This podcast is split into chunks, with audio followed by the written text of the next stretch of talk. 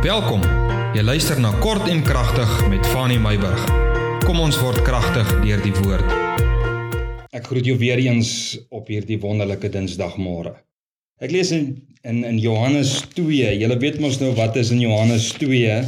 Dit is die eerste wonderwerk wat Jesus gedoen het. Johannes 2 van vers 1 tot vers 12 Op die derde dag was daar 'n bruilof te Kana in Galilea en die moeder van Jesus was daar. Jesus en sy disippels was ook na die bruilof genooi. En toe daar wyn kort kom, hulle het uit wyn uitgehardloop. Toe sê die moeder van Jesus vir hom: "Hulle het geen wyn nie." En Jesus sê vir haar: "Vrou, wat het ek met u te doen? My uur het nog nie gekom nie." Sy moeder sê vir die dienaars: "Net wat hy vir julle sê, moet julle doen." Dit is so asof sy moeder hom override en sommer direk met die dienaars praat en vir hulle sê, "Weet wat? Jesus gaan wyn maak. Jesus gaan sorg dat hier wyn kom en maak jy soos wat Jesus vir julle sê."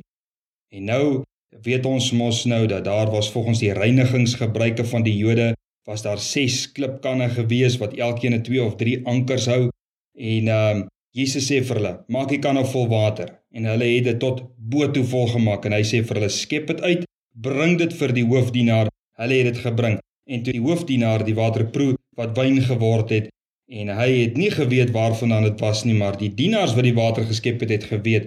Roep die hoofdienaar die bruidegom en sê vir hom: "Elke mens sit eers die goeie wyn op en wanneer hulle goed gedrink het, dan die slegte, maar u het die goeie wyn tot nou toe bewaar. Wat 'n wonderlike storie, nê? Die eerste wonderwerk wat aangeteken word in Johannes.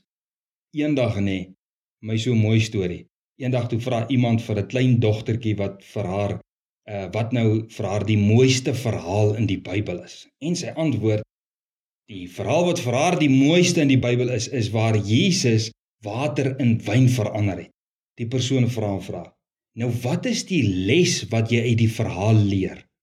En heel onskuldig antwoord sy: As jy uit wyn uit hardloop, moet jy bid vir nog. Ek wil jou vanmôre 'n bietjie vra, hoe gaan dit met jou? Hierdie jaar haas verby. En ek weet daar is baie. Jy voel dalk jy het nie bereik hierdie jaar wat jy graag wou bereik het nie. Jy's dalk geteleurgesteld in jou geestelike toestand, in jou emosionele toestand, jou planne is uitgeput. Finansiëel is jou bronne, jou finansiële bronne het uitgeput geraak. Spreek woordelik het jou wyn ook uitgehardloop. Dis eintlik die tyd van die jaar waar daar vreugde en blydskap en goed moet wees, maar dit voel vir jou soos daar by die bruilof, dis nou die die feesvierende tyd en nou het die wyn uitgehardloop. Nou is daar 'n krisis. Spreek woordelik het jou wyn vir jou uitgehardloop op hierdie feesseisoen En in die verhaal van water en wyn het Jesus uit die onmoontlike wyn gemaak. En dit was beter as dit wat daar was. Jy weet, dis nodig dat jy die wonderwerker, Jesus, sal betrek by jou leë wynkanne. Jy moet afhanklik van Jesus Christus wees. Jy moet leeg wees wanneer jy na Jesus toe gaan. Jy moet leeg wees van jou opsies. Jy moet leeg wees van hoogmoed, leeg wees van jou eie ideale, leeg wees van jou eie drome. Jy moet leeg wees van self probeer. Weet jy hoekom sê ek dit? Jesus kan net wonderwerke doen as jou opsies uitgeloop het, as jou wynkanne leeg geraak het. Jy sukkel met baie planne om dalk jou sonde te oorkom. Weet jy wat? Maak jou kan leeg van self probeer en gaan na Jesus die wonderwerke. Jou huwelik, jou huwelik se wynkan het uitgeloop, jou finansies, jou besigheid, menseverhoudinge, krisisse. Ek wil vir jou vanmôre sê gooi 'n bietjie al jou probeerslae uit jou kanne. En vir een keer gryp Jesus die wonderwerker vas.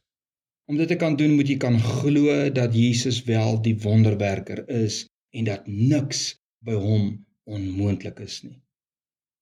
En weet wat wil ek vir jou vanmôre sê? Moenie probeer uitwerk hoe Jesus water in wyn kan verander nie. Moenie Jesus se metodes probeer analiseer volgens jou wêreldse maniere en idees nie.